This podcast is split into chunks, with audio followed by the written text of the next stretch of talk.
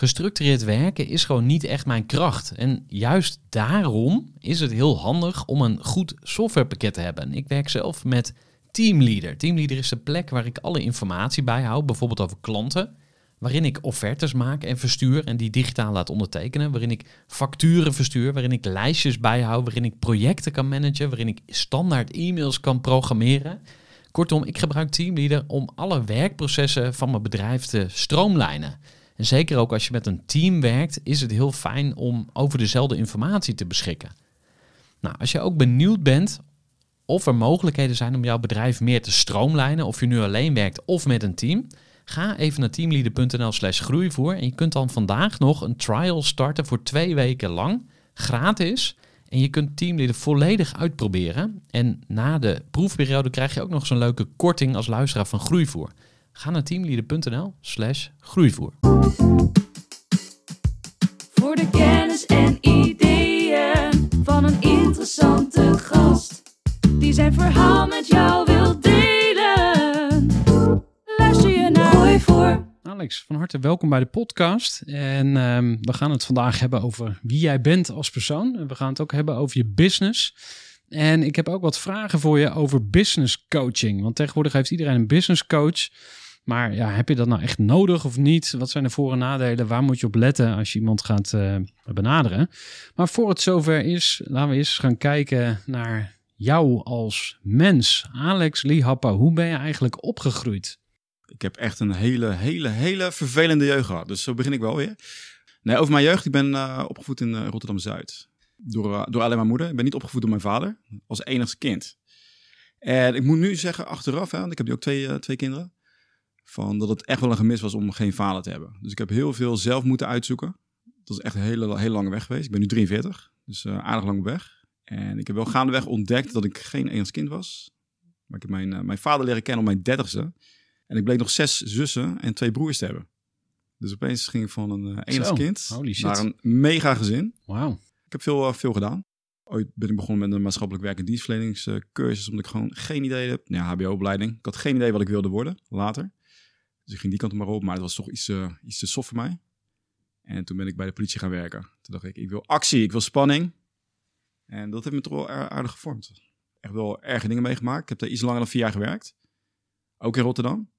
En ik was toen een jaar of, uh, ja, van mijn 24ste. Ik heb heel veel dingen gezien die uh, de meeste mensen niet zien. Ja, dus mijn instelling is anders geworden over het leven. Wat, wat voor dingen zie je dan? Is dat echt op de straat uh, ongelukken, overvallen, dat soort dingen? Of wat, ja, wat staat je nog het meest bij? Nou ja, wat, wat me bijstaat is hoeveel er eigenlijk gebeurt waarvan wij totaal geen weet hebben. Dus jij ziet af en toe wat op het journaal en denk, oh wat erg je ziet horrorfilms misschien. En dan denk je, zo, dat is heel heftig wat daar gebeurt. En het is niets in vergelijking met wat er echt gebeurt. Ik maak geen grap. Ik dacht even van, wow, die films zijn niks. Ik had een uh, keer een verhaal. Ik was daar toen zelf niet bij. Ik hoorde het dan van collega's. En ik hoorde wel de melding. En het was in, in Vlaardingen was er een man. En die was het verkeer aan het regelen. Nou, dat mag natuurlijk niet. Dat is gevaarlijk. De collega's kwamen eraan. En wat hoorde ik later? Die man had een of ander soort carnavalspak aan. Oh, zo dachten zij. En ze gingen kijken van, dit is raar, dit, dit. Die man zo helemaal verward. Wat bleek nou? En het is echt een luguber verhaal. Het was de huid van zijn moeder. Wow. Ja, Doe me denken aan Silence of the Lambs. Eh. ja, inderdaad. Je vraagt het, je krijgt hem. Wat blijkt nou had van, uh, ja, van een uh, hogere macht dat hij gehoord dat hij, zijn dat hij zijn moeder moet vermoorden. Heeft hij vermoord, handen eraf, huid eraf gehaald uh, en aangetrokken. En dit is een van de verhalen. En op een gegeven moment dacht ik voor mij, dit is too much. Ja. Ik wilde niet in een wereld leven waarbij alles zo negatief was als dat. Oh, die shit. Dat, zijn ja, dat is een van de verhalen. Ja, je, je vraagt hem, ja, komt, ja, ja. we komen gelijk binnen. Maar dat draagt nog steeds uh, met je mee, denk ik ook? Of, wat, ik, wat ik merkte toen, is dat heel veel oud-agenten, dus ik heb echt heel veel respect voor agenten, die hadden allemaal, dus ik zat er maar vier, iets langer dan vier jaar. Die hebben er 30 jaar gezeten. De meest verschrikkelijke verhalen. Dragen ze met zich mee. Het zelfmoordpercentage onder agenten was ook mega hoog. Hè, dat was voor mij ook een, um, een, reden om niet te blijven, maar ook dat het, uh, weet je, als ik een zaak had en ik, uh, ik vond dat leuk, recherche vond ik het leukste. Alleen je hebt het OM. En het OM heeft ook een target, zoals wij targets hebben nu als ondernemers. En het OM kijkt van, oké, ga ik met deze zaken? Dus je hebt een heel dossier gemaakt, dat is niet niks. Het is echt een mega, echt een heel pak papier, dat zie je op tv wel eens inderdaad. En, uh, het is echt heel veel. Getuigen voeren van uren en uren. Het OM kan zeggen, ik ga er niks mee doen. Want ik denk niet dat ik ga slagen. Dus dat was voor mij ook alweer zo'n eh, Miami Vice droom weg. en zo kwam ik binnen. Ik dacht, hey, we gaan boeven vangen. Moest ik altijd eh, bekeuringen schrijven op een gegeven moment. Weet je, je was, je was ook wel echt wel boeven aan het schrijven. Of eh, boeven aan het vangen. Maar die bekeuringen, die moesten op een gegeven moment. En mensen altijd tegen mij van, ga nou eens een keer boeven vangen. En ik dacht, ik wil boeven vangen. Lijkt me heel frustrerend. En, en, en Ja. dat is ook waarom je dus eh, een andere werkgever hebt gezocht. Je hebt bij meerdere banken gewerkt. Ehm, Ja, nou ja, ik ben, eh, mijn eerste bankervaring was eigenlijk eh, Hamburg Mannheim. Het was een, een heel mooi piramidespel was dat. Dus ik heb jou er al eerder over gehoord. Dus ik ben heel erg, ja, ik werd heel erg door getriggerd. Er was een, eh, was een vriend uit klasgenoot zei, hey, kom, je kan veel geld verdienen, want je kan belegging, eh, beleggingen verkopen. Nou, destijds had je bijna geen regels.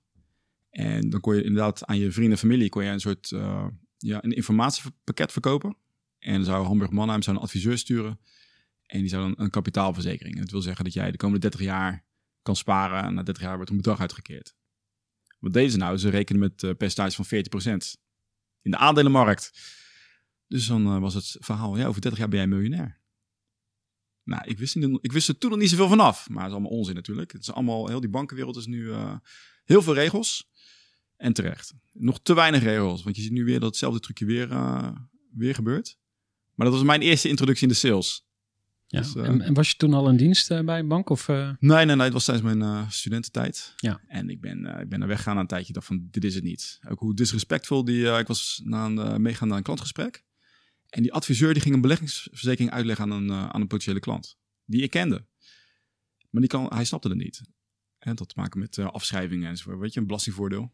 Ik zie dat de tafel schudt. Ik zal opletten. Aan het eind van, van het gesprek zei die beleggingsadviseur, die zei, uh, ja, deze man gaat niet, gaat niet snappen. En maakt niet, hoe, ik vertel het er vier, vijf keer, gaat toch niet snappen. Als hij zijn handtekening maar zet. Toen dacht ik, auw. Ja. ja, dat zijn bad profits eigenlijk. Ja, hè? Dus ik, hier moet, moet, zo wil je geld natuurlijk niet verdienen. Integriteit uh, is uh, ver te zoeken dan. Ja. Ik ben toen weggegaan, uh, inderdaad bij de politie. uh, ik heb nog even bij een digitaal televisiebedrijf gezeten. Ander verhaal. Maar toen ben ik bij de bank uh, begonnen. Want ik had wel die, weet je wel, cijfers vind ik altijd wel interessant. En ik ben toen begonnen bij ABN AMRO Bank. In, uh, en dat was vlak voor de hypotheekcrisis. Als hypotheekadviseur. Dus dat was leuk. Maar het voordeel was wel dat ik gelijk zag wat er gebeurde met, met aandelen. Want iedereen zat, uh, ah, je moet hierin uh, in beleggen. En mensen hebben echt geen idee waar ze in beleggen. Het is allemaal leuk, zie je ook met bitcoin. Van ja, ik koop bitcoins aan. Totdat het misgaat. Mensen hebben geen idee hoe makkelijk het is om uh, ja, de beurs te manipuleren. Nu in Amerika, ik weet niet of je dat gezien hebt, GameStop. Heb je dat gevolgd? Niet gevolgd, omdat het inderdaad mijn pet te boven ging. Dus ik dacht van, ja. oké, okay, dit snap ik niet, laat me zitten. Nou ja, voor de mensen die, uh, als je niet mee bezig bent, is inderdaad ingewikkeld. Komt erop neer dat, dat, ze, dat ze eigenlijk heel makkelijk de beurs kunnen manipuleren. Door op een gegeven moment te zeggen van, jij mag wel aandelen kopen, jij niet. Nee, je kan je voorstellen, als je alleen maar mag verkopen, ja, dan uh, gebeurt er iets met de prijs. Dus het is nu heel erg aan het licht gekomen. In mijn hypotheekdagen, dat is mijn, ja, hypotheekverkopen is gewoon echt puur sales, eigenlijk. Het wordt, wordt, gebracht als advies, maar het is gewoon een salesjob. Daar veel geleerd van ondernemers, maar daar ook het uh, verkoopvak goed geleerd. Want ik maakte de hele domme fout om mensen heel goed uit te leggen wat hypotheken waren en hoe geweldig het wel niet was en welke keuzes, welke opties ze hadden. Ik verkocht helemaal niks. En wat was de grootste uh, les die je dan meenam daaruit? Nou, ik ben meegelopen met een, met een collega die, die bijna alles verkocht. Ik weet niet of je het ook mee, meemaakt. als je in een sales team zit, zijn een aantal één of twee. Hebt tien, zijn er één of twee die alles verkopen. Ja. Je hebt nog een kleine middenmoot en dan heb je nog een, een zootje ongeregeld. Nou, ik hoorde toen bij het zootje ongeregeld. Ik ben met, hem meegelopen. En had tijdens het hele gesprek had hij totaal niet over de hypotheek. Ik dacht, hè, weet je wel, maar dat moeten we toch? Autoriteit, uh, financiële markten, zero over die hypotheek. Ik dacht, wat doe je nou allemaal? Ja, nee, ik heb gewoon een gesprek met die klanten. Maar toen, dat was de eerste stap, ik ben hem toen in gaan verdiepen. Het is eigenlijk iets anders. En dan kom je erachter van, oh, mensen kopen op emotie. Ga niet in op de features en benefits. Dat gaat fout. Nou, allemaal uh, de klassieke dingen die jij ook wel uh, ook tegen bent gekomen. En dat heb ik, consequent ben ik dat gaan toepassen. En dan merk je resultaat. Alleen voor mij werkte dat op een hypothekenvlak frustrerend. Want ik ga graag juist wel de diepte in. Dus ik heb het wel over strategieën en tactieken. Alleen als ik met mensen in gesprek was. Ik hoefde ze alleen maar te vertellen van hoe geweldig het wel niet was. En ze hoefden zich nergens zorgen over te maken. Want mensen die kopen eigenlijk geruststelling. Ja, ze willen op hun gemak worden gesteld. Doe ik het wel goed? Weet je, hele grote onzekerheid. En dat is wat je verkoopt. Je verkoopt rust. Dus je bent alleen maar daarmee bezig. Alleen dat was niet op dat moment waar mijn passie lag. Dus, eh, maar het was wel de start, ja. Ja, en die topverkoper waar je het over had, of die topverkopers, uh, het gevoel dat die integer waren, hadden die echt het beste voor met de klant? Of hoe, hoe uh... Nee, het was puur, ik zat ook bij ABN, het was heel erg targetgericht hoor. Het boeide echt niet wat je deed. Um, cross-selling, wel bekend fenomeen. Als je een hypothecaire financiering neemt, dan is het handig om je in te dekken. Dus je hebt een overlijdensrisicoverzekering, arbeidsongeschiktheidsverzekering. Alleen we hadden heel veel moeite om die arbeidsongeschiktheidsverzekering te verkopen, want mensen dachten van ja, komt wel goed dit was de strategie. Weet je wat? We doen gewoon bij de papieren van de hypotheek-offerte, uh, doen we gewoon ook zo'n arbeidsongeschiktheidsverzekering. Kijken of ze het meetekenen of zo. Teken, of, ja, en dan zeggen we, teken dit ook maar eventjes. Dat was de strategie. Nou, ging puur om het vinkje ja. zetten. Uh, hoe heet die gast nou? Van uh, Dirk Scheringa. Ik zag, uh, er kwamen ook mensen bij die dan een andere hypotheek hadden. Als je het hebt over integriteit, kijk, ABN was wel integer qua, weet je, het product was goed. Die Scheringa, die kon het gewoon presteren om een huis van 2 ton te verkopen en dan drie ton te financieren. Uh, waarbij 50.000 euro gewoon commissie was. En dat was dan uh, verkapt in een verzekering. Dit mag allemaal niet meer. En ja. terecht. Dus je in die, in die cowboy-tijd weer daar rondgelopen. En, uh, ja. ABN en toen ging je naar Rabobank. Wat, Was dat anders? Heel anders. Veel meer voor, voor de klant. Dus, maar um, te veel. Dus dan zie ik ook wat verkopers fout doen. Die gaan heel erg... ik, ben, ik ben een expert en ik ga doen wat jij wil. Dat is een grote fout. Dus veel meer de. Uit. Wat, wat, wat gebeurt er dan precies? Alles doen voor de klant. Terwijl als je bij mij komt, stel je gaat bij de dokter. En de dokter zegt ook niet van, hey Gerard, maar wat vind jij nou? Nee, ik wil dat de dokter weet wat het is. Weet je, ja. daar luister ik naar. En niet van, ja, maar ik wil, ik heb nog beleggingen hier, kan het dan ook in die, uh, die financiering enzovoorts. En dan al die hypotheekadviseurs gingen daar dan, private bankers zat ik, zat ik mee, die gingen daarmee akkoord. Achteraf was heel veel fout gegaan.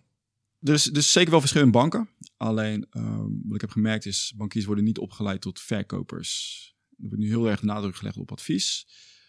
Dus die hebben nu heel veel moeite om zich te differentiëren in de markt.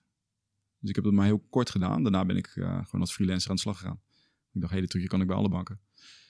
Ik heb heel veel dingen gedaan. Ik ben een beetje ADHD'erig. Dus mijn interesse die daalt heel snel. Dus ik ben niet iemand die één ding moet doen en dat dan heel lang moet doen. Ik doe graag veel verschillende dingen. Uh, ik kijk gewoon mijn, mijn interesse op naar uitgaat.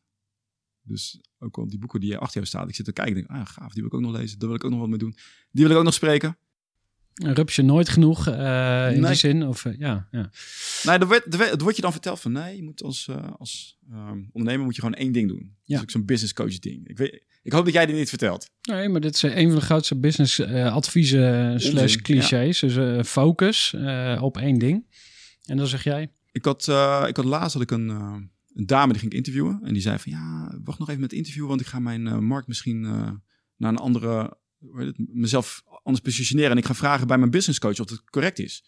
Dus ik ga gelijk doorvragen, want dat vind ik leuk. Wat bleek nou? die business coach zei, nee, je moet je op één groep mensen moet je richten. En that's it. Ik denk, wel een onzin. Jij kan jouw product neerzetten. Bijvoorbeeld, jij je hebt de goede club.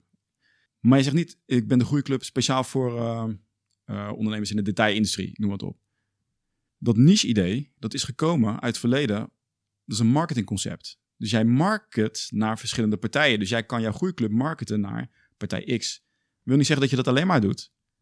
Stel nou Steve Jobs zou zo denken. Ik maak alleen maar de Apple voor uh, uh, creatievelingen. Punt. Maar dit fabeltje gaat wel rond.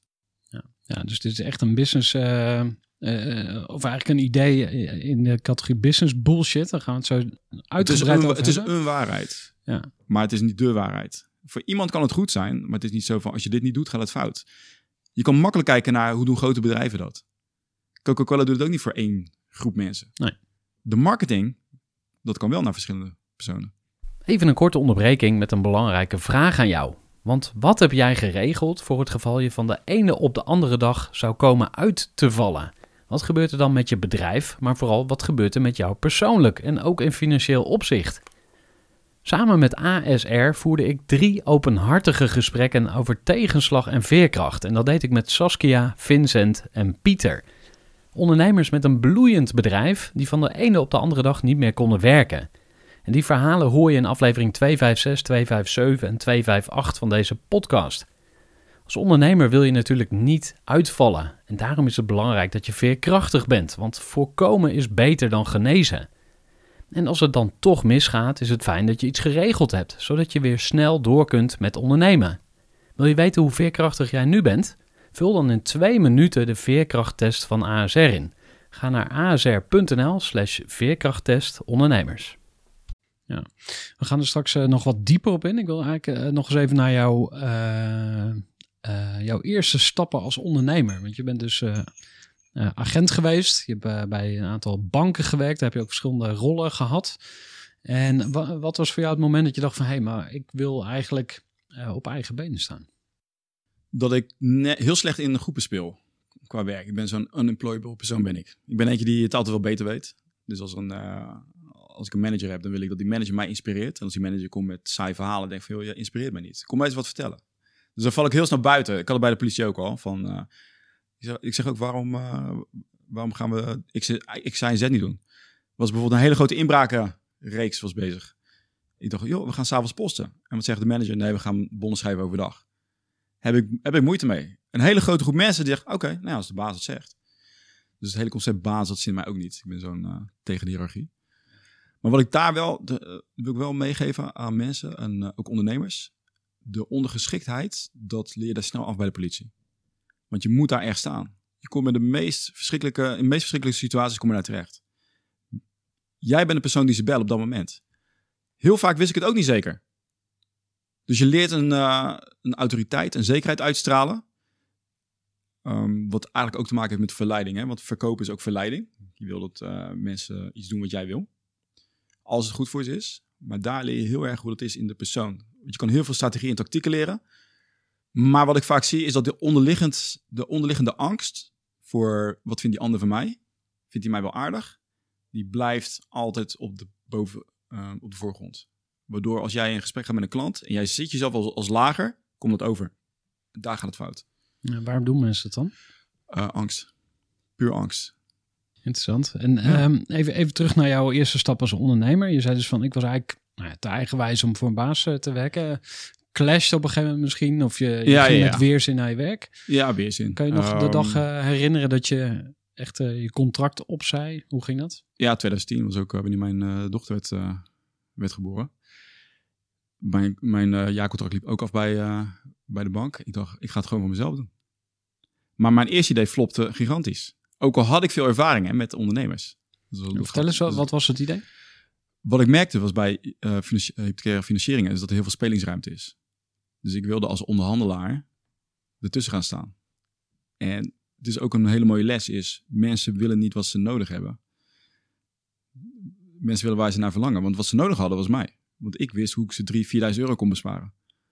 Alleen niemand luisterde naar. Ik had eh één of twee klanten, maar dat was in een vriendenkring. Zij wilden, de hypotheek, de, fi- eh, de financieel adviseur, wilde zij per se vertrouwen. Dus als ik daartussen kwam, dan was dat, ging dat tegen hun, eh, ja, noem dat? Tegen hun verwachtingen. Nou, niet tegen de verwachtingen. Het was nodig voor ze om die, financier, om die financierde te vertrouwen. En dan kwam ik van, ja, maar er is eigenlijk nog heel veel spelingsruimte. Alleen die boodschap clasht. Want als het, als, mijn, als het klopt wat ik zeg, dan kunnen zij dus die financi- eh, niet vertrouwen. En dan kunnen zij niet met een gerust hart kopen. En daar ging het mis. Dus ik heb dat een half jaar gedaan. Toen dacht ik, nee, dat moet ik niet doen. Toen ben ik weer gewoon een, een tijdje hypothecaire financiering gaan verkopen. Dat was veel makkelijker. Maar dat trucje, dat vond ik ook weer niet leuk, omdat het weer te simplistisch was. En daarna ben ik mezelf, eh, ja, ik wil niet zeggen hoereren, maar daar lijkt het wel op. Bij verschillende banken. Nou, je hebt ook een, eh, een uitzendbureau, de sheringsbureau. Maar ik vuurde mezelf als eh ZZP'er. Dus daar ook heel veel, heel veel geleerd. En het leuke daarbij is, is dat je steeds je eigen rol kan invullen. Want ik kon altijd zorgen van, ik kom ergens binnen. Maar als je eenmaal binnen bent, dan ze een manager en ze hebben altijd problemen. Oh ja, kan ik dat doen, kan ik dat doen, dan kan ik dat doen. Dus zo kan je meerwaarde uitbouwen. En zo kom ik ook eh, in verschillende rollen terecht. Dat vond ik wel leuk. Maar het is meer, heeft meer te maken met het verschil in uitvoering. Eh, dus niet de hele tijd één ding verkopen, maar verschillende dingen doen. Dus dat blijft wel terugkomen bij mij. Laten we, laten we eens naar je bedrijf gaan, want eh, je bedrijf heet High Impact. Zeg ik het dan goed? Of hoe... hoe nou, ja, het is alexliapo.nl. Ik, Ja. ik heette altijd Alex Lee Consultancy. Alleen Ja. ik ga die veranderen. Weet je waarom? Vertel. Ik werd een paar keer gebeld. Ze is dit, eh, je weet dat zo'n telefoonverkoper. is dit, eh, is dit, nee, is dit Alex Lai Consultancy? Ik zeg Lai. Ah. Nee, Alex Lee Ja. Consultancy. Ik vond het heel mooi rijmen. Ja, ja, ja. dus eh, voor de internationale Twee- markt niet geschikt. Twee keer hoorde ik hem. Ik dacht, ik moet nu echt mijn Ja. naam veranderen. Dus ik, ik, ik opereer nu onder uh. Ja, dus dat is eigenlijk je personal brand, zou je kunnen zeggen. Ja, ja, ja. En wa- wat voor business zit je in, zeg maar? Dus je komt helemaal uit die hypothecaire hoek en banken en tussenpersoon en eh, al dat soort zaken. Maar wat is nou je core business op dit moment? ja het, ik verkoop andermans producten. Dat is mijn core business. Uh, in dit, dus ik doe bijvoorbeeld met jou, uh, je hebt een, bijvoorbeeld je groeiprogramma. En ik heb een lijst. En als ik jouw programma promote aan mijn lijst, krijg ik daar een percentage van. Nu hebben wij geen zaken met elkaar, maar ik geef hem als voorbeeld. Dit is een formule die voor mij heel relaxed is. Omdat het enige wat ik op hoef te bouwen is vertrouwen met, mijn, uh, ja, met de mensen die uh, naar mij luisteren. Waar ik ook mee praat. En ik pak een percentage van het product. Maar ik heb niks van de nazorg. Dus dat vond ik ideaal. Want wat ik niet wil is een bedrijf met personeel. Of met ZZP'ers. En dat heeft puur te maken dat ik... Ik wil er ieder moment uit kunnen stappen als ik zou willen. Dat is voor mij heel belangrijk. Je hebt het ook wel eens gehad hè, over je eager people van je moet daar weg. Dat wat jij voelde, dat heb ik heel snel. En daardoor probeer ik ook heel veel verschillende dingen te doen. Ik heb hiernaast nog een aantal bedrijven. Nou, geen bedrijven, maar inkomstenstromen. Om te zorgen dat ik niet per se één ding hoef te doen. Daar gaat het vaak mis in. Want dan worden, als je dat doet, dan worden mensen heel zenuwachtig. En dan moet jij klanten hebben, want anders gaat het mis. Soms ook niet goed, want dan word je ook wel lui van, moet ik eerlijk zeggen. Ja. Dus, Want je uh, zit eigenlijk, uh, zou je het affiliate business kunnen noemen dan? Of Ja. is dat de juiste manier? Dus ik heb een geniaal groeiprogramma. Dat kost 2,5 of 5000 euro. Jij verkoopt het aan jouw klanten en jij krijgt daar dan een percentage over. Ja. Um, hoeveel uh, deals moet je dan sluiten per maand? Zeg maar? Heb je een soort van target van nou, zoveel uh, wil ik binnenhalen, dan moet ik zoveel programma's verkopen? Ja, ja zeker. Uh, ook de percentage per deal scheelt ook. Stel je hebt een programma en je hebt een goede sales funnel. Uh, dus ik ben nu aan het uitbreiden om zelf de sales funnel te maken. Want wat merk ik? Dat heel veel ondernemers die hebben een product. Alleen de enige manier om te verkopen is uh, ons kent ons. Dat is een beetje dat social selling gebeuren van... hey, ik ben zo leuk, kom bij mij kopen. Maar wat ik leuk vind is om echt iemand te bewegen om te gaan kopen. En dat is, uh, dus ik ben nu bezig met VCL's, video sales letters, maar ook gewoon ja, de lange sales letter. Ik weet niet of je die tegen bent gekomen ooit. Vertel, wat, wat is een video sales letter? Want dat is iets nieuws wat... Uh... Het proces van, van kopen is een heel lang proces van mensen. Waar veel ondernemers zich op richten, is de mensen die al gelijk zeggen: Ja, ik wil het. Maar er is nog een hele grote groep die nog niet eens weet dat hij het wil, of die nog niet is waar jij ze wil hebben. En dan pak je een, uh, maak je een sales funnel. Je ziet de, de, de beroemde opt-in met iets van uh, 100 tips om uh, dit te krijgen. Nou, komen ze daar binnen. Het is, dat is niet ideaal hoor. Je kan maar beter gelijk iets verkopen, vind ik. Ik gebruik hem nog zelf, zelf ook nog. Maar ik wil dat die, mijn ideale klant, die leest die brief en alle objections kaart ik daarin aan. Ik noem maar wat, bij, jou, uh, bij jouw groeiprogramma. Er zijn heel veel die denken van ja, ben ik daar wel klaar voor? Weet je, alle objections. Niet het juiste moment. Niet, uh, niet het juiste duur, moment. uh, um, ja. Is het wel, leuk? weet je wel, of het enthousiasme straalt er ook niet vanuit. Van ja, dus, dit kan iets, weet je, ik weet dat het goed is om te groeien. Dat weet ik. Maar heel veel mensen, die zitten in een bedrijf en die willen eigenlijk wat anders. Wat jij had, hè, bijvoorbeeld. Stel, ik was bij jou voor de podcast bij Eager People. Nou, je zei, ik wilde eigenlijk weg. En ik kwam bij jou. hey, ik heb een geweldig iets voor jou. Wat dan zeggen? Nou, ik heb iets waardoor jij uh, Eager People kan uh, 200% omzet. Op dat moment, en jij zit er helemaal niet lekker in. En aan de buitenkant ben je heel succesvol. En dat ben je dan ook. Alleen voor jouw gevoel denk ik, ik heb het wel gehad. Maar ik kom bij jou met zo'n uh, met zo'n aanbod. Dan zeg je, ja, liever niet. Maar als ik bij jou kom met, ik heb een leuke kans om jouw uh, podcastproduct, ik noem wat op. Dan zeg je, oh, interessant, dit is dat nieuws. Ja, daardoor kom je met allerlei andere mensen in gesprek, wat, hè, waarbij je nooit in gesprek zou komen. Dat is voor jou interessant. Dus je interesse opwekken, ook al is het, um, dus je klant op een andere manier benaderen, dat is die marketing. Daardoor komen er veel meer mensen bij jou binnen dan dat er uiteindelijk zouden komen als jij niks zou zeggen, of alleen op je website, of alleen maar, ja, als je toevallig hebt geluisterd naar mijn podcast, kom langs. Ik zeg niet dat jij dat doet, maar ik zie dit wel heel vaak. Uh, of uh, bel mij, dan hebben we een gesprek. Ik wil juist dat mensen mij niet bellen. Dus ik heb, ik heb op mijn uh, website heb ik al een coachingsprogramma staan. Alleen is het een funnel voor. En dat wil zeggen van als jij erop klikt, je gaat eerst een aantal vragen doorlopen. En dat is puur voor mij om te kijken, wil ik wel met jou zaken doen? Als je die vragen hebt doorlopen en je drukt op ja, dan krijg je van mij een vragenformulier. En daarin een uitgebreide vragenformulier. Als jij die stap hebt doorlopen, dan pas gaan wij in gesprek. Maar dan weet ik zeker dat het kan. Of dat het ook leuk voor mij is. En wat heb- is leuk voor jou? Wat, wat zijn nou klanten waar je... Waar ik blij van maak. Eh, energieke mensen die ook uitvoeren. Dat vind ik leuk. Ik weet dat de zeg je dat, dat uitvoeren? Dat, Ja, het uitvoeren doet dus gedeelte. blijkbaar niet iedereen Nee. dan? Of? Nee, doen ze niet iedereen. Dus dat is voor mij voor de, voor de één op één minder interessant.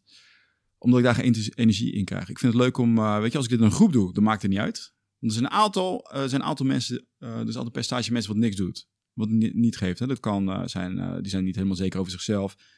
Maar die zijn niet vooruit te branden. Ik heb mijn verantwoordelijkheid daarvoor, die heb ik losgelaten. Want vroeger dacht ik van, ah, kom op, weet je, dan ga je heel erg trekken aan de zwakste schakel. Nou, dat gaat niet. Dat kost mij energie. Dus dat wil ik niet hebben. Dus ik ben heel erg aan het, ehm, ehm, ja, mensen eigenlijk aan het weg, weg aan het houden. Omdat ik liever geen één op één wil hebben. Ja. Klinkt als, eh, als, een, als een, ehm, een bijzondere strategie.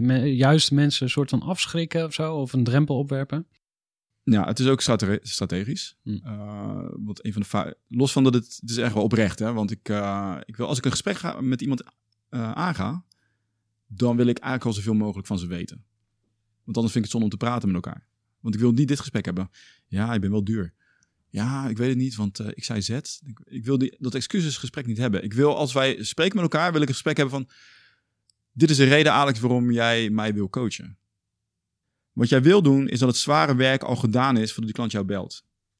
Dus als die klant jou belt, het is net als dat je op een date gaat. Wat heb je liever? Dat die, dat die meid al denkt van, wow, Gerard, daarmee, die kan salsa dansen. Ja, dat weet ik van jou. Ja, heel goed. dat die Instagram niet? gedaan? Ja, ja, ja. Ik kan dus absoluut niet dansen. Maar het, snap je, het zou veel beter zijn als je weet van, oh, die, eh die Gerard heeft dit, dit. Die heeft een, eh, een goed lopend bedrijf, eh, kan salsa dansen. Daar wil ik wel mee weg. In plaats van dat je een, een, zeg maar een blind date hebt. Ja, we hadden het vanochtend bij eh, de Groeiclub over het kwalificeren van klanten. Dus eh, eh, het ja, echt bewust nadenken van met wat voor mensen wil ik werken. Heb jij een soort inner circle van klanten waar je graag mee werkt? Het En- allerliefste zit ik, dus dit is niet altijd goed hè, maar wel met mensen die net zo gek zijn met gedachten als ik. En daarmee bedoel ik heel veel nadenken, heel veel connecties leggen, heel veel nieuwe ideeën hebben. Dat vind ik het allerleukste. Maar ik vind het ook leuk om te werken met mensen waarvan ik zie van, jij kan veel meer. En dat ik dat naar boven kan brengen. Dat aha-moment, dat vind ik echt heel mooi. Als ik met iemand in gesprek ben en die zegt van, ja, maar dat kan ik toch niet doen? Dan zeg ik, maar waarom niet? Als je nou X, Y en Z doet, lukt het toch wel? En dan zie je opeens zo'n lichtje aangaan van, oh ja, En wat, wat wil je ze geven? ehm, mogelijkheden. En dat heeft ook met mijzelf te maken. Ik haal het om eh, beklemd, hè? weet je. Ik heb zo'n claustrofobisch iets. En ik vind het leuk om mensen mogelijkheden te laten zien. Van er is veel meer mogelijk. Ik heb nu, ehm, dus ik vind het ook leuk met eh, als ik mensen interview, dan, dan praat ik er ook over. En dan heb ik sommige coaches en die werken ook alleen maar per uur. En ja, of eh, met een veel te lage prijs. Zeg wel, weet je, ik heb het er ook al eens over van, eh, ja, dan bellen ze me gewoon en dan gaan ze eigenlijk altijd akkoord met mijn uurtarief. En denk ik, zo, dat is knap. Hoe doe je dat? En dan kom ik achter wat het uurtarief is en denk ik, oh ja, nee, dat vat ik. Je zit heel laag qua prijs. Dus dan zeggen mensen ja. En het is voor hun veel veiliger. Want het is heel eng om een coachingspakket aan te, eh, aan te bieden. Om dat op die manier te doen. Ja. Je comfortzone. We- Comfort pit. ja, zullen we daar wat dieper op ingaan? Want wat, wat zijn dan, de, eh, als we naar business coaching gaan, wat, wat zijn eigenlijk de, de tarieven of wat zijn normale prijzen volgens jou? Is er überhaupt een, een, een goed of een fout als het om pricing gaat? Eh, prijs is wat de klant ervoor betaalt. Dus dat kan 25.000 of 30.000 zijn. Waar je echt naar moet kijken is waarde. Wat mij tegen zit is dat er heel veel business coaches alleen maar het, de eigenwaarde van de, de klant ophemelen. Wat ik heel veel zie is zichtbaarheid tegenwoordig. Ja, je moet zichtbaar zijn. Je moet zichtbaar zijn. Ja, met zichtbaarheid komen er meer mensen op je af. Maar dat is echt een fractie van wat er mogelijk is. En dat staat me wel tegen. Maar ja, het is lastig. Aan de ene, het is meer, om- weet je, omdat je zelf ook meer weet. Dus het kan eigenlijk ook net zijn dat, dat het het opstapje is. Ik wil niet helemaal eh bashen. Leg eens uit, wat eh, bedoel je dan? Of waar denk je dan aan? Dat er te weinig wordt ehm, eh, in een heel nauw hokje een formule wordt gegeven. Bijvoorbeeld op, eh, op Instagram, doe dit. eh, en daarmee worden al je problemen worden opgelost. Strategisch is een heel goed aanbod, hè? want je laat de klant zien, als je alleen maar dit doet, dan worden al je problemen opgelost. Dat is heel aantrekkelijk. Alleen, er zijn veel meer manieren om aan geld te komen dan zichtbaar zijn. En dat is niet eens het probleem. Het is een fractie van het probleem. Als het jouw core strategy is, ja, dan vind ik het echt zonde. En dat merk ik ook van, dan, dan hoor ik ook mensen die bij die coaches geweest zijn. En dan ga ik een beetje doorvragen. En denk ik van, was dat het? Ja, dat was het. Dat vind ik zonde. Ja, dus is natuurlijk sowieso niet echt een one size fits all eh, aanpak. Tenminste, hoe, hoe sta jij erin? Ehm, heb jij een soort focuspunt van, oké, dit eh, het is in ieder geval niet zichtbaarheid, maar heb jij een soort eh basisgedachte die volgens jou voor alle ondernemers werkt? De basisgedachte moet wel zijn mindset. Want zonder je mindset kom je nergens. Je zo. Kijk, je kan, je kan al deze boeken hebben die, jij, die ik hier nu op de achtergrond zie. Maar je kan nog steeds niet, als je niet in uitvoer brengt, dan heb je daar niks aan. Dus de kern is wel eigenwaarde. Die eigenwaarde is heel belangrijk. Als jouw eigenwaarde laag is, ga je zelf altijd lager verkopen dan anderen. Durf je niks. En ik ben zelfs ook tegen die eh, ondernemersplannen. Weet je, een heel plan maken met... eh, maar het is allemaal verzonnen. Ik zeg altijd, doe het op één pagina. That's it. En gaandeweg ga je, ehm, pas je hem aan.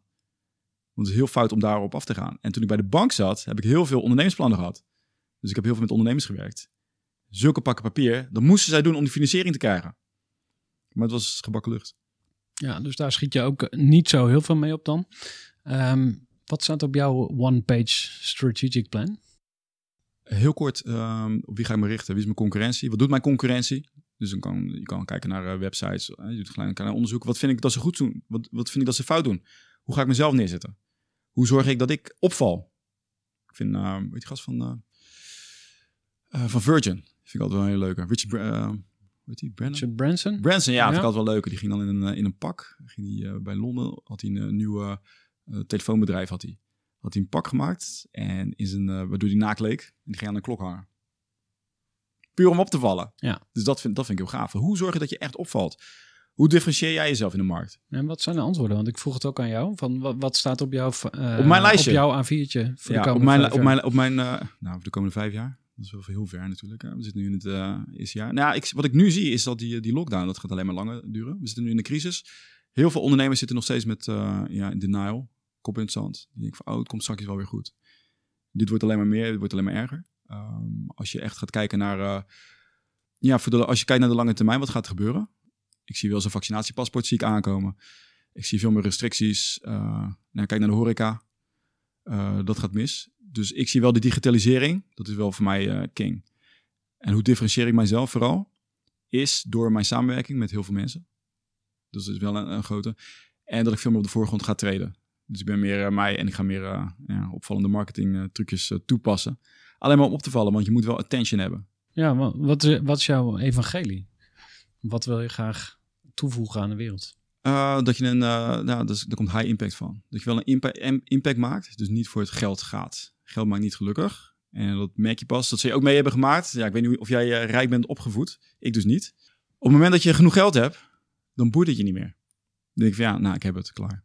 Een van mijn dingen waar ik, eh, ehm, ja, hoe moet ik zeggen, een, go- een goed doel wat het gaat worden, is kinderen die mishandeld worden, om daar wat meer mee te doen. En niet qua mishandelingen. Nee. Zag je, kijk- zag je kijken? Ja, ja, ja. Nee, om daarmee, weet je, om daar, eens, wat... eh, om, nou, ik heb zelf als, als kind heb ik, ben ik mishandeld toen ik heel klein was. En dat was door een, eh, dat was door een buitenstaander, door een oppas zelfs. Alleen in die tijd, het was in de 70s, zo oud ben ik alweer.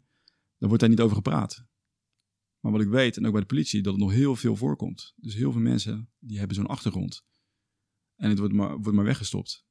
Heel moeilijk ook voor, eh, om ouders aan te pakken. Dus ik vind de hulpinstanties, die vind ik, maar ja, vind ik daarin echt tekortschieten. Dat is wel een dingetje voor mij, wat ik zeg van, hier wil ik wat aan doen. Ook met eh pest op school bijvoorbeeld. Ik wil ook gepest op school. Daar wil ik ook meer mee gaan doen. Dat social media wat er nu, wat er nu is, verschrikkelijk voor kinderen. Ik ben echt mijn kinderen nu aan het opvoeden van let op, ga niet voor de likes, pas op. Dus ik heb ook een haat-liefde verhouding met, eh, met social media op dit moment. Hè. Dat, wat ik, je hebt het wel nodig. Niet zo hard nodig als je dat je denkt.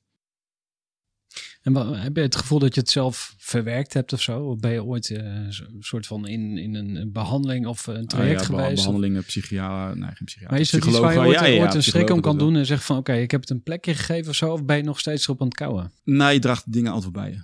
Dus dat is mijn politieervaringen. Van eh, dingen die ik gezien heb, dat gaat niet meer weg.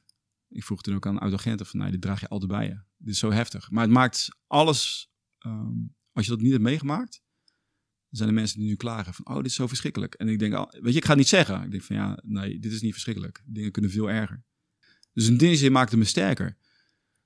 Maar het blijft wel, je blijft, ja, ik, het blijft wel met, me mee. ja. dat zeker wel. Maar daarom wil ik, dat drijft ook om er wat mee te doen.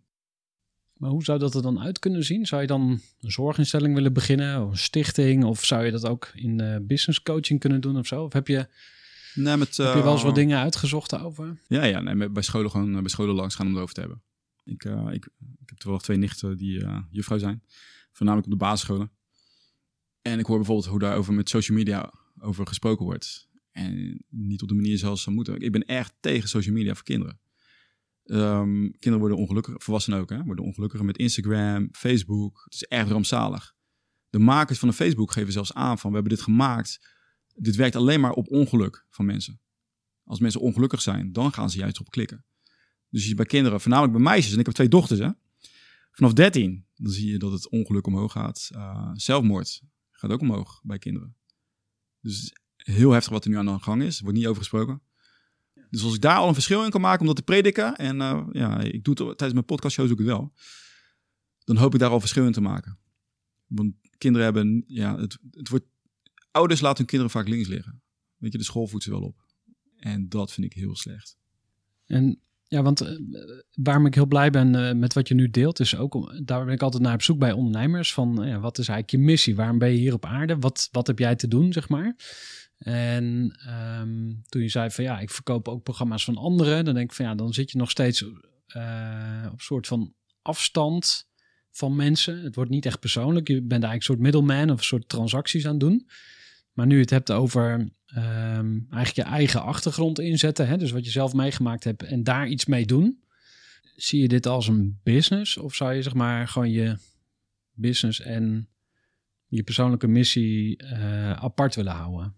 Nou, ik zie geen verschil. Hè? Je ziet ook een. Uh, wat ik wel ook een fabeltje vind, is uh, waar, hè, waar ben je voor op deze planeet? Ik denk dat de reis is. En dat het niet één ding is. Dus er wordt heel graag gezegd: wat is nou die ene. Ik was toen ook op. Vroeger heette mijn podcast uh, Ondernemerspassie. Van wat is nou die passie? Ik was ook op zoek. Ik dacht van nee, wacht even. Het is een reis. En het een sluit het ander niet uit. Nee, dus, zat een momentopname dan eigenlijk van. Het is, de, de, het is niet of-of. Ik kan bijvoorbeeld, ik vind het leuk om, uh, ik vind het leuk om te verkopen, want ik hou van die psychologie en hoe dat werkt. En ik sta achter die producten. Met dat geld wat ik daarmee verdien, kan ik weer andere dingen doen. Dus daarin is het geïntegreerd. Niet alles hoeft te zijn van, oh, ik moet overal gepassioneerd over zijn. Want dat is niet zo. Want heel veel dingen, dat moet jij ook weten, daar heb je gewoon geen zin in. Komt neer op discipline wat je moet doen. Ik zorg wel dat ik een, soort van vrijheid creëer daarin. Dus met wat ik kan, dat kan ik op alle plekken kan ik dat doen. En hoe ik dat wil uh, vormgeven met, met kinderen bijvoorbeeld, um, dat is een deel 2. Alleen ik wil eerst wel die basis creëren. En dan kan ik daarop verder gaan. Even terug naar het onderwerp business coaching. Want daar, uh, daar hebben we al een paar keer wat, wat dingen over uh, uitgewisseld. Maar wat is nou de grootste business bullshit die jij tegenkomt in de coachingmarkt? De grootste vind ik wel dat, dat je op één niche moet, moet richten. het social media gedeelte, dat daar zoveel aandacht naar moet, vind ik ook bullshit. Um, ik vind de beste klant is wat je kan aanboren is mensen die al zaken doen met jouw ideale klant. Ga daar contacten mee aanleggen. Zorg dat je deals maakt. Op die manier je eerste business binnenkrijgt. Ga niet uitstellen. Ga gelijk af op jouw klant. Maar het social media gedeelte, dat, nu vind ik dat wel de, de hoofd. Er wordt alleen maar gekeken naar, haal die klant binnen. Maar niet, oké, hoe zorg je dat je meerdere producten gaat verkopen aan die klant? Hoe zorg je dat je je prijzen wel kan verhogen? Los van je eigen waarde. Maar dat je ook echt meer waarde levert. Ga daar eens naar op zoek ik vind het leuk om daarover na te denken. Van wat is nou ideaal? Uh, en dat gaat automatisch. Met, jou, goede club ga ik ook denken: oké, gaaf. Hoe, uh, als ik dat zou doen, hoe zou ik dat nou opzetten? Hoe zou ik ervoor zorgen dat, er, uh, dat ik daar meer uit zou kunnen halen? Qua, nou, je, hebt ook al, hè, je doet ook al cross-selling. Je hebt ook meerdere producten. Mensen die bij jou wat verkopen. Dat soort tactieken, dat is leuk. Want zo heb je dat hefboom-effect. In plaats van constant meer van: oké, nieuwe mensen via social media, that's it. Het is te beperkt. Ja ik wil met jou naar het laatste onderwerp gaan. En dat is podcasting. Want als we het hebben over trends en hypes. En ja, wanneer is iets nou uh, de moeite waard om in te investeren en wanneer niet. Dan moet ik onder andere bij jou zijn. Want jij was een van de eerste podcasters in Nederland. Uh, 2015 al begonnen. Dus ver voor uh, de trend. Je ziet nu ontzettend veel mensen die ook een podcast starten. Of denken van shit, ik moet dit ook gaan doen. Want anders dan mis ik de boot. Wat zou eigenlijk jouw um, advies aan die mensen zijn? Wat ik zie is uh, weer het uh, slechte business advice. En dat is van, uh, ga eerst op zoek naar je markt. Ga eens kijken wie, tegen wie het hebt. Ik zou mijn podcast gewoon beginnen. Tegenwoordig heb je bijna geen apparatuur nodig. Er zijn apps. Je neemt het op op je telefoon. En je, je zit gelijk op ja, alle kanalen. Dus je kan binnen één dag kan je dat voor elkaar krijgen. Begin gewoon te praten over een onderwerp en kijk wat je, wat je zelf ligt. Want dit moet een passieproject zijn. Als je dit niet leuk vindt, dat zou je zelf ook wel weten, ga je dit niet redden. En dat weet je alleen maar door het te doen.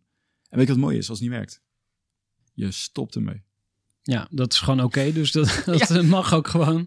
Nobody cares. Ja. Niemand kan het je schelen. ja, maar dat is grappig, hè? Want je als eh, ondernemer heb je misschien dan een beetje last van het spotlight effect. En dat je denkt dat iedereen kijkt naar mij. En als ik er nu eh, de stekker eruit trek, dan heb ik gefaald of dan ga ik af. Eh, Ze, ze hebben dus een test gedaan. Dan zie je dat iemand een... dan eh, laat ze iemand met een, eh, met een t-shirt met een gekke tekst erop of zo. Eh, of een naakte vrouw. En die moet dan een wachtkamer binnenlopen. En dan... nee, dan komt hij in een gewoon t-shirt. En dan komt hij weer binnen met een heel gek, outfit. En dan gaan ze mensen vragen van... heb, je, heb je daar wat van gezien? En niemand ziet wat. Mensen zijn alleen maar bezig met zichzelf.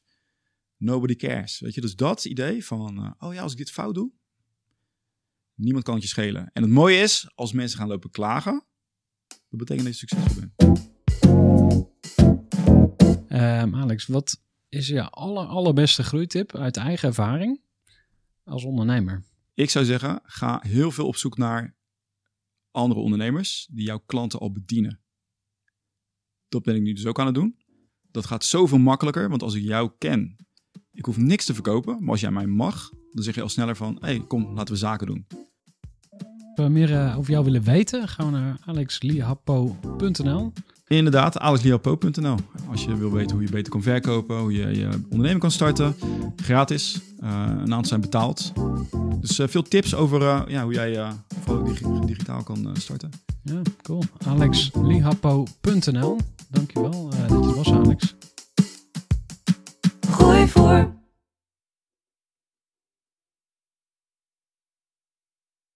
Gestructureerd werken is gewoon niet echt mijn kracht. En juist daarom is het heel handig om een goed softwarepakket te hebben. Ik werk zelf met Teamleader. Teamleader is de plek waar ik alle informatie bijhoud, bijvoorbeeld over klanten. Waarin ik offertes maak en verstuur en die digitaal laat ondertekenen. Waarin ik facturen verstuur, waarin ik lijstjes bijhoud, waarin ik projecten kan managen, waarin ik standaard e-mails kan programmeren. Kortom, ik gebruik Teamleader om alle werkprocessen van mijn bedrijf te stroomlijnen. En zeker ook als je met een team werkt, is het heel fijn om over dezelfde informatie te beschikken. Nou, als je ook benieuwd bent of er mogelijkheden zijn om jouw bedrijf meer te stroomlijnen, of je nu alleen werkt of met een team, ga even naar teamleader.nl slash groeivoer en je kunt dan vandaag nog een trial starten voor twee weken lang, gratis. En je kunt Teamleader volledig uitproberen. En na de proefperiode krijg je ook nog een leuke korting als luisteraar van Groeivoer. Ga naar teamleader.nl slash groeivoer.